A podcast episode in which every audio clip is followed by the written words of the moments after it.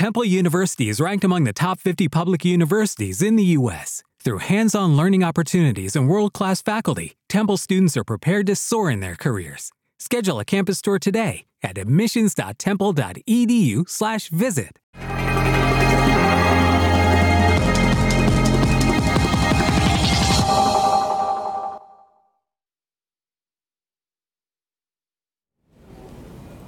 Hubert Piskupski, dzień dobry, witam Państwa serdecznie. Pieniądze to nie wszystko. Moim Państwa gościem jest Wojciech Dąbrowski, prezes PGE. Dzień dobry Panie Prezesie. Dzień dobry Panie Redaktorze, dzień dobry Państwu. Panie Prezesie, zacznijmy od Turowa i od decyzji Wojewódzkiego Sądu Administracyjnego, y, wedle którego zaistniały przysłanki do wstrzymania wykonania zaskarżonej decyzji. Chodzi o decyzję środowiskową. Y, dodajmy, że chodzi o decyzję środowiskową umożliwiającą wydobycie węgla po roku 2026. Decyzja jest oczywiście nieprawomocna. Państwo żeście się od tej decyzji odwołali. Dlaczego? Po pierwsze, e, ta decyzja sama w sobie jest niejako e, zaskakująca dla nas. e, Powiedziałbym nawet nieco mocniej kuriozalna.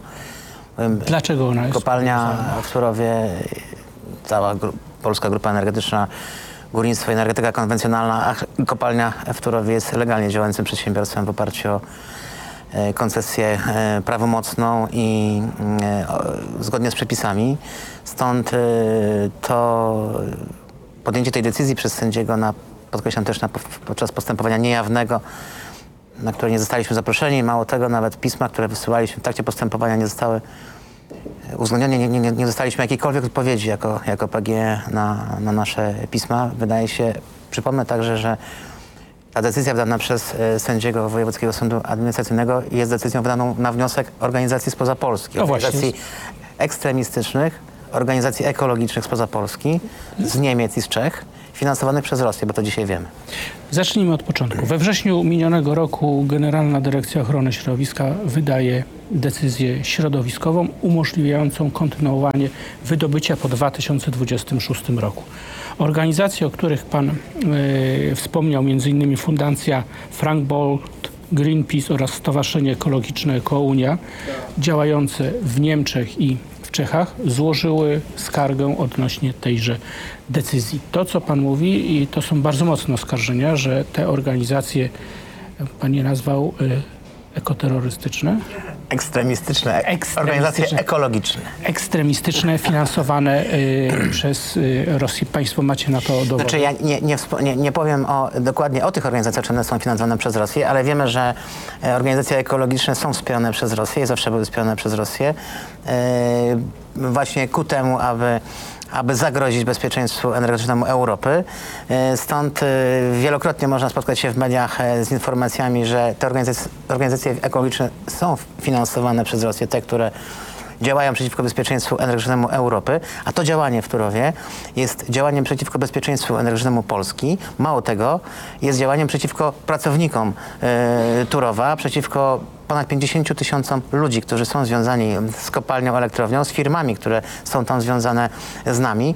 Mało tego, zatrzymanie dzisiaj e, produkcji w elektrowni i w kopalni oznaczałoby e, brak energii elektrycznej dla e, ponad 7% mieszkańców Polski, bo ta elektrownia jest bardzo ważnym elementem e, w krajowym systemie elektroenergetycznym, który zapewnia bezpieczeństwo energetyczne w, tym, w tej części Polski. A jeśli chodzi o, kraj, o, o miasta ościenne e, w rejonie Turowa, czyli Bogatynie, e, to byłaby także pozbawiona energii cieplnej, bo produkujemy ciepło dla mieszkańców Bogatyni. Stąd no, ta decyzja jest naprawdę, to, ta, ta decyzja godzi w interes, w interes Polski, w interes gospodarczy Polski, ale, ale przede wszystkim w bezpieczeństwo energetyczne Polski i w miejsca pracy. I my nigdy jako Polska Grupa Energetyczna jako e, centrala, e, pod którą podlega kopalnia elektrownia Turów, nie zgodzimy się na to, aby po pierwsze e, nie godzimy się na to, aby godzono w bezpieczeństwo energetyczne Polski, ale nie, nie zgodzimy się także na to, aby pozbawić miejsc pracy naszych pracowników i dlatego złożyliśmy to zażalenie. Nie zgadzamy się z tą decyzją. Mamy nadzieję na pozytywne rozstrzygnięcie, bo uważamy, że jesteśmy firmą kopalnia i Turów, y, kopalnia Turów i, i elektrownia w Turowie działają w oparciu o legalne, y, o legalne y, koncesje. Stąd dziwi nas, że polski sąd, polski sędzia ulega presji wnioskom e, zagranicznych e, organizacji ekologicznych, ja, czy można sobie wyobrazić taką sytuację, że polskie organizacje ekologiczne zaskarżają, e, zaskarżają pracę, decyzje e, w Czechach, w kopalniach czy w Turowie? Ja przypomnę, że w tym rejonie, Pol- w tym rejonie Europy, w promieniu 100 kilometrów, Turów nie jest, nie jest jedyną kopalnią. Turów jest jedną z 13 kopalń, 7 działa w Czechach, 5 w Niemczech, w promieniu 100 kilometrów, a tylko atakuje się Turów. Ja przypomnę, że to jest drugi atak na Turów. E, Dwa lata temu mieliśmy do czynienia z też indywidualną decyzją sędzi Trybunału Sprawiedliwości w Luksemburgu, która podjęła też decyzję na wniosek e, właśnie ekologicznych organizacji zewnętrznych, czyli niemieckich i czeskich, która i była próba, już była próba zatrzymania e, pracy elektrowni e, i kopalni, ale niestety się nie powiodła na, dla tych, którzy e, wnioskowali, na, na, niestety dla tych, którzy e, wnioskowali i dzisiaj też obronimy Turów i Turów będzie pracował, będzie produkował energię elektryczną, a, nasi pracownicy będą mieli miejsca pracy. O tym zapewniałem i zapewniam to dzisiaj. Mało tego, zapewniał o tym też polski rząd, pan premier Mateusz Morawiecki, który był e, na spotkaniu z załogą, pan e, premier Jacek Sasin, którzy po- powiedzieli, że nie pozwolą na to, aby kopalnia i elektrownia zaprzestały pracę z uwagi na bezpieczeństwo energetyczne i właśnie utrzymanie miejsc pracy. A na jakiej podstawie te organizacje y, wnoszą, że decyzja wydana przez y, GDOŚ jest decyzją nielegalną? Albo podjętą z naruszeniem prawa? E, no, generalnie w postępowaniu administracyjnym każdy ma prawo wnieść jakąkolwiek e, skargę, jak, jakikolwiek, złożyć jakiekolwiek wnioski do sądu administracyjnego w jakiejkolwiek sprawie. Mało tego, e, mało tego sąd administracyjny ma obowiązek rozpatrzyć tę sprawę. E, no i tutaj na, te organizacje zastosowały możliwość, jaką daje demokratyczne państwo polskie, jaką daje e, polska demokracja, że mo, obywatel może skarżyć jakąkolwiek decyzję w jakiejkolwiek sprawie. E, m, kogokolwiek tak naprawdę. E, No stąd tutaj przyjęto taką e, tę drogę. Na, e, sędzia przychylił się do tych wniosków. Oczywiście decyzja jest nieprawomocna. Jak Podkreślam to jeszcze raz, że złożyliśmy zażalenie i mam nadzieję, że Kiedy e, te decyzje się nie utrzymają. spodziewacie się rozpatrzenia? No Chcielibyśmy jak najszybciej, no bo wydaje się, że wydaje się, z wyjaśnijmy- naszego punktu widzenia sprawa jest prosta, więc y, bo, bo, działamy legalnie, no stąd oczekujemy oczywiście szybkiego rozpatrzenia. Wyjaśnijmy, że to oczywiście dotyczy y, roku 2026, co i tak jest y, olbrzymim jakby zagrożeniem dla bezpieczeństwa Znaczy po energetycznego. 20, przepraszam, po 26. Po 26, po 26 roku, nie tego, Nie- co się nie- dzieje tu i Tak, teraz. tak. Mówimy o, mówimy o koncesji do 44 roku, którą właśnie tutaj próbuje się y, jakby niejako podważać. Panie prezesie, y, kilka dni temu uciekamy z Turowa. Y, Mam nadzieję, że wrócimy w nieco lepszych nastrojach, gdy Naczelny Sąd Administracyjny uchyli ten, tę, tę, tę decyzję Wojewódzkiego Sądu Administracyjnego. Kilka dni temu mieliśmy sytuację dość zaskakującą, a mianowicie ujemne ceny prądu. Będziecie dopłacać konsumentom? Nie, znaczy w ogóle e, handel energią elektryczną jest bardzo skomplikowany. My działamy na rynku połączonym w Europie, jest wymiana pomiędzy państwami. E, e, tutaj mieliśmy do czynienia z sytuacją wyjątkową. Właściwie pierwszy raz taka sytuacja miała miejsce. E, pojawiła się nadprodukcja energii elektrycznej z OZE, z odnawialnych źródeł energii, której nie, było, y, nie można było zużyć. Stąd y, w Europie y, pojawił się, pojawił się istnieje taka możliwość, aby, aby, za- aby po prostu no, firmy, które produkują za dużo energii, a nie mają co z nią zrobić, e, muszą ją no, wpuścić do sieci i jeśli nie ma kto jej odebrać, to wtedy ceny są ujemne i, i firmy... Dodajemy, że które- dotyczy to rynku hurtowego, nie dotyczy to tych do- finalnych Dotyczy też rynku odbiorców. hurtowego, nie dotyczy to, to, to finalnych odbiorców. Mówię, rynek jest, jest kilka rynków, na których się handluje energią elektryczną, to jest dość skomplikowane. Tu mamy do czynienia z sytuacją wyjątkową, na chwilową praktycznie, chwilową. My normalnie e, zapewniając bezpieczeństwo energetyczne zapewniamy e, w kontraktach na półtora roku naprzód e, bezpieczeństwo energetyczne, kontraktujemy paliwo, e, e, kupujemy energię elektryczną, jeśli, jeśli, e, jeśli nam brakuje e, wyprodukowaniu e, odpowiedniego wolumenu dla klientów w naszych źródłach. Stąd tutaj w, mediach często pojawiają się takie, takie informacje, że tam cena, na- bo jest ten eksport, czyli rynek dnia, e, właściwie dnia dzisiejszego i, i na tym rynku właśnie dochodzi do takich sytuacji, że w danym momencie energii pojawia się za dużo, bądź e, ona, bądź e, i te ceny się, mocno wahają. Natomiast na rynku, na rynku terminowym, na którym my zabezpieczamy energię dla klientów, czyli naprzód na rok, pod to jest paliwo, zupełnie są inne ceny. E, A te wydarzenia, e, które są czasami publikowane, że tam cena energii jest e, właśnie ujemna bądź e, bardzo niska, e, to są zdarzenia chwilowe, więc zupełnie to inaczej działa. Na rynku spot, czyli takim tym rynku e, dnia dzisiejszego handluje się około 20% energii. Tak naprawdę dla państwa, dla klientów, dla przedsiębiorstw. My zabezpieczamy energię na rok naprzód i to jest w kontraktach terminowych, tam są zupełnie inne ceny, bo to jest pewne. Yy, no, za bezpieczeństwo po prostu trzeba zapłacić, tak, że tutaj yy, to nie ma wpływu w ogóle na, na rynek yy, klientów, yy, z którymi mamy podpisane umowy, także to yy, no mamy do czynienia z taką sytuacją, ale to w wyniku właśnie wysokiej temperatury. Taka ciekawostka, w wyniku wysokiej temperatury źródła OZE e, wyprodukowały za dużo energii. To pokazuje, jak ważnym dla źródeł OZE, dla, dla, źródeł OZE, dla stabilizacji, dlatego właśnie, żeby takie sytuacje nie dochodziło, żeby energię wykorzystywać w sytuacji, kiedy ona jest wyprodukowana przez OZE, jest budowa magazynów energii. Dzisiaj e, PGE jest liderem, jeśli chodzi o budowę magazynów energii. W Polsce budujemy pierwszy magazyn na Wybrzeżu o mocy 200 MW, właśnie po to, aby magazynować energię z odnawialnych źródeł energii wtedy, kiedy ona nie jest potrzebna. Zresztą mieliśmy taką sytuację też na, e, podczas majówki.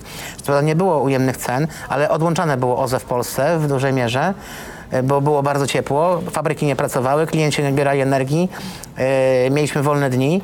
E, wtedy, wtedy właśnie odłączano OZE, czyli jak niejako marnowaliśmy możliwość wyprodukowania energii z odnawialnych źródeł, źró- w odnawialnych źródłach, dlatego że nie mamy magazynów. I dzisiaj szalenie ważne dla stabilizacji pracy e, energetyki, dla bezpieczeństwa energetycz- energetycznego, bo dzisiaj mm, w Polsce mamy taką sytuację, że nastąpił boom rozwoju OZE. Jesteśmy liderem, jeśli chodzi o przyrost w źródłach odnawialnych w Europie.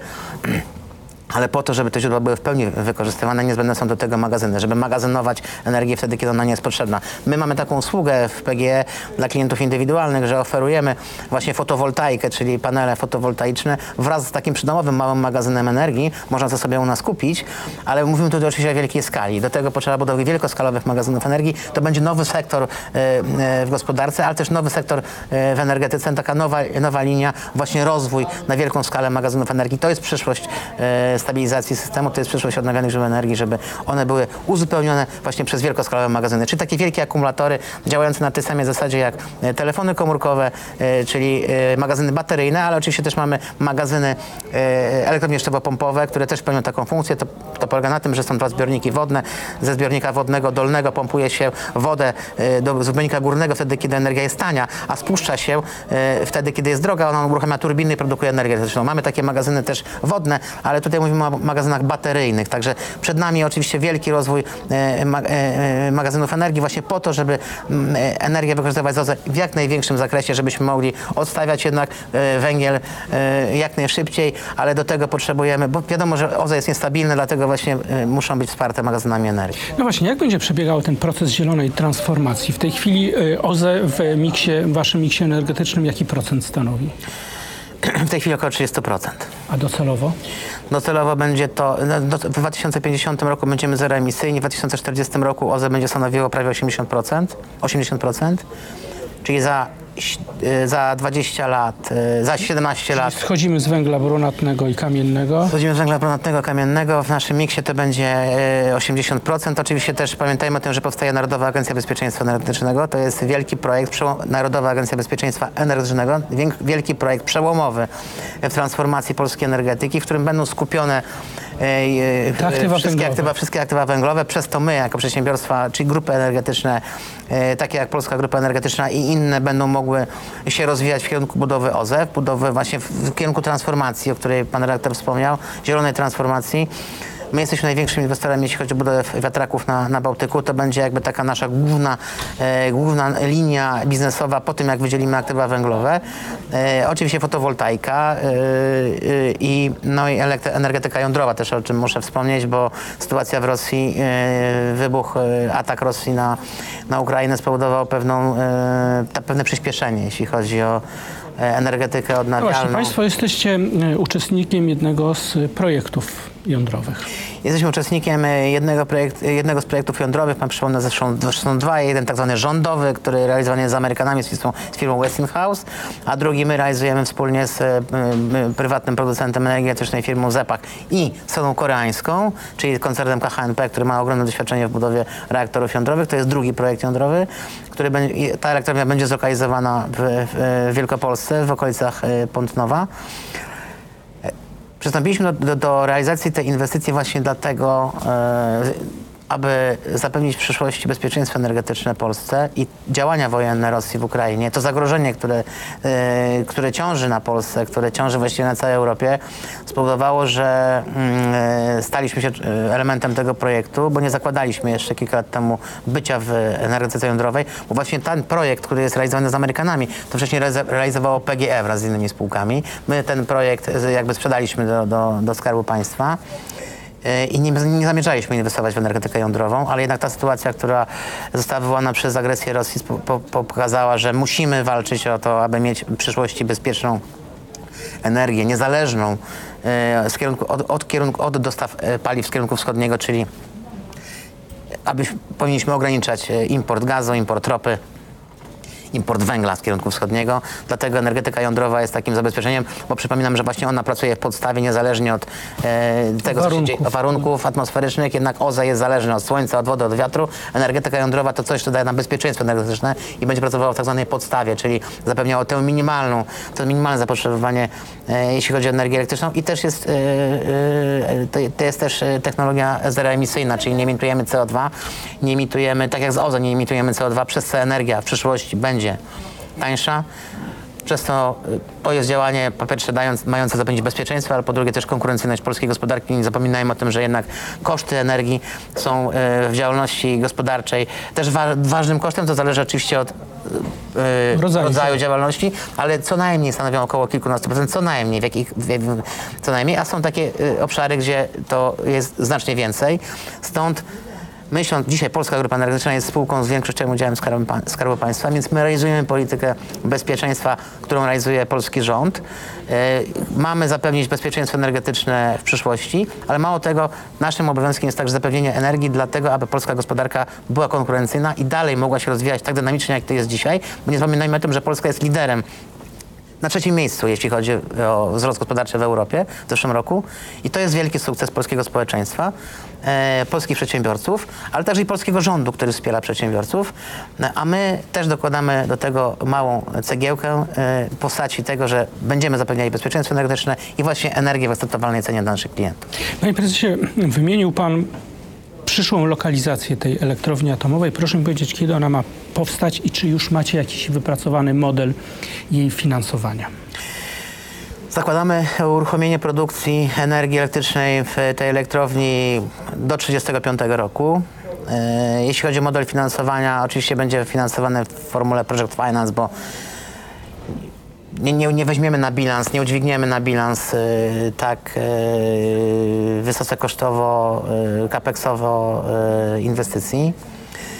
Y, stąd y, będzie finansowana ze źródeł zewnętrznych. Dzisiaj prowadzimy już rozmowy właściwie z instytucjami finansowymi na całym świecie z bankami, i z funduszami, które są zainteresowane podstawić finansowanie do takiej inwestycji. Y, jest duże zainteresowanie, bo, bo nie jest to węgiel. Dzisiaj po, po, po, dlatego prowadzimy transformację, dekarbonizację. Po pierwsze, oczywiście z, ze względów mm, takich, że oczekują tego od nas nasi klienci, ale z drugiej strony ze względów czysto ekonomicznych, bo dzisiaj polityka klimatyczna ruguje z rynku y, inwestycje w węgiel. Dzisiaj pozyskanie finansowania na węgiel w technologii węglowej jest praktycznie niemożliwe. Y, stąd y, na tę technologię zeroemisyjną, czyli jądrową, jest duże zainteresowanie organizacji, firm, instytucji finansujących z całego świata i prowadzimy z nimi już rozmowy. Tak, tak zakładamy właśnie finansowanie w, formule Project Finance wsparte instytucjami zagranicznymi. No oczywiście polskie banki nie mają takiej pojemności, ażeby ażeby y, podstawić finansowanie na tak wielką inwestycję, jaką jest budowa elektrowni jądrowej. E, ile energii będzie ta elektrownia produkować? Zakładamy, że będą to dwa bloki, yy, dwa bloki yy, w pierwszym etapie 2800 megawatów. Panie prezesie, wspomniał pan, znaczy nie wspomniał, tylko mówił pan o y, energetyce y, jądrowej. W y, czerwcu, jesteśmy w czerwcu, chcecie, czy macie też państwo aktualizować swoją strategię. Rozumiem, że ta energetyka jądrowa zostanie tam na stałe wpisana. Tak, energetyka jądrowa będzie w naszej strategii. Yy, będzie to bardzo ważny element naszej strategii, yy, no i też kapitałochłonna inwestycja. Także będzie, będzie oczywiście offshore, będzie onshore, będzie fotowoltaika. Oczywiście nie zapominajmy też o dystrybucji, bo jesteśmy największym dystrybutorem energii, energii elektrycznej w Polsce. E, po akwizycji, którą, której dokonaliśmy kilka miesięcy temu, czyli zakupie e, PKP Energetyka. Dzisiaj ta firma się nazywa PG Energetyka Kolejowa, czyli firmy, która do, dostarcza energię elektryczną dla całego transportu kolejowego w Polsce. E, staliśmy się największym dystrybutorem energii elektrycznej w Polsce, stąd też ważnym elementem jest rozwój dystrybucji, inwestycje w dystrybucję. My ponosimy, e, już dzisiaj wydajemy około 3 miliardów rocznie na dystrybucję, po to właśnie, aby tę energię wyprodukowaną w OZE i w, w, w, w energetyce jądrowej dostarczyć klientowi. E, bez, bez, bezawaryjnie, żeby klient miał e, e, w każdym momencie dostęp do energii elektrycznej, a na to, w to musimy także inwestować miliardy. Mamy, mamy sieci, które pamiętają lata 60., 70., więc to jest najwyższy czas, aby je modernizować, aby je wymieniać pod nowoczesne usługi dla klientów, pod optymalizację zużycia, bo dzisiaj klienci oczekują od nas właśnie usługi na najwyższym poziomie, możliwości optymalizowania zużycia po to właśnie, aby obniżać rachunki i, i, i my tę politykę konsekwentnie realizujemy, także ważnym elementem naszej strategii będzie właśnie dystrybucja i rozwój dystrybucji, inwestycje w dystrybucję właśnie. Panie prezesie, miniony rok to jest rok e, agresji rosyjskiej na Ukrainę i e, tego potężnego kryzysu energetycznego, który tak naprawdę zaczął się jeszcze wcześniej, e, gdyż albowiem Rosjanie się do tej agresji dość skrupulatnie przygotowywali. Y, kryzys energetyczny, rosyjska agresja spowodowały szoki cenowe, y, gwałtownie wzrosły ceny energii elektrycznej. Jak będzie się kształtować, jak będą kształtować się ceny w następnych miesiącach tego roku i w latach przyszłych? Czy te ceny będą spadać, czy one będą stabilne, czy musimy niestety przyzwyczaić się do stałego wzrostu cen, biorąc pod uwagę to, że nasze zapotrzebowanie na energię elektryczną, mówię o Polsce, będzie e, sukcesywnie rosło. Rzeczywiście e, e, sytuacja wywołana wojną w Ukrainie spowodowała kryzys energetyczny. Rosja wywołała kryzys energetyczny faktycznie na całym świecie. Ceny węgla, ceny gazu wzrosły kilkukrotnie w przeciągu kilku tygodni. Yy, wcześniej jeszcze mieliśmy do czynienia z COVID-em, który też zerwał łańcuchy dostaw. To też yy, takie było mm, yy, wydarzenie, zdarzenia, zdarzenie, które wpłynęło na, na załamanie jakby na takie no, trudną sytuację w gospodarce, może tak, może załamania, nie, nie, nie, nie mieliśmy do czynienia z załamaniem, ale trudną sytuację w gospodarce. Potem nastąpiło to odbicie po covid no i potem, potem dostaliśmy to uderzenie, jakim jest wojna, wojna w Ukrainie, e, co spowodowało, pociągnęło za sobą wzrost cen energii, aczkolwiek tutaj zadziała polski rząd, po to trzeba powiedzieć otwarcie i, i twardo. Tarcze e, solidarnościowe, które zostały przez rząd prowadzone, te działania mające na celu obniżenie e, cen energii, my jako Polska Grupa Energetyczna dokładamy polskiemu społeczeństwu na obniżenie cen energii 10 miliardów złotych. Dzięki temu klienci indywidualni mają najniższą cenę w tej chwili energii w Europie. Polacy mają najniższą cenę energii w Europie. E, to wynika no, z działań rządowych, ale także wsparcia spółek energetycznych. My e, jesteśmy największym producentem w Polsce, prawie 50% rynku to Polska Grupa Energetyczna. Dokładamy największą kwotę do tego. Ale pragnę uspokoić naszych klientów, że sytuacja dzisiaj się właściwie jest ustabilizowana. E, zakładam, że... To uspokaja i nie uspokaja, bo niektórzy mogliby liczyć na spadki cen. Znaczy zakładamy, do spadków cen dojdzie w sytuacji, kiedy całkowicie odstawiamy węgiel, czyli do sytuacji... Czyli i kiedy, w 2050 roku. Nie, nie, to się będzie działo wcześniej, bo jednak y, zużycie węgla spada sukcesywnie z roku na rok. Y, dość... Y, jest to odczuwalne e, na rynku. E, my do 30 roku wyłączymy wszystkie elektrociepłownie na węgiel, na przykład będziemy zero, zeroemisyjni, jeśli chodzi o elektrociepłownie. E, więc na rynku będzie działała NABE, oczywiście tam będzie skupiony cały węgiel, ale jeśli chodzi o ceny energii, to one będą raczej stabilne. Pamiętajmy o tym, że przed Polską ogromne wyzwania w inwestycje, to są miliardy złotych. My My sami zakładamy wiele, wiele, dziesiąt miliardów złotych e, w najbliższych latach do, do zainwestowania w transformację polskiej energetyki. Stąd, y, ale cena energii będzie stabilna z uwagi na to, że powstają źródła niskoemisyjne, zeroemisyjne, które nie będą emitowały CO2. Dzisiaj CO2 Opłata CO2 około 30-40% w, w, w, na rachunku za energię elektryczną, więc nie będzie y, opłat CO2, jeśli będziemy produkowali energię z OZE, a y, i tutaj, no i, no i w tym kierunku zmienia, zmierzamy. Na tym polega cała transformacja polskiej energetyki, żeby właśnie odstawić źródła węglowe w przyszłości, w, w, w, jakby w perspektywie 15-20 lat i zastąpić je źródłami OZE i, i energetyką jądrową. Wówczas będziemy mieli do, do czynienia ze stabilnymi cenami energii. Czyli szybko taniej nie będzie, ale drożej też nie powinno. Tak. Dziękuję ślicznie. Wojciech Dąbrowski, prezes PGE, był moim Państwa gościem. Dziękuję bardzo. Dziękuję panie doktorze, dziękuję- dziękuję państwu.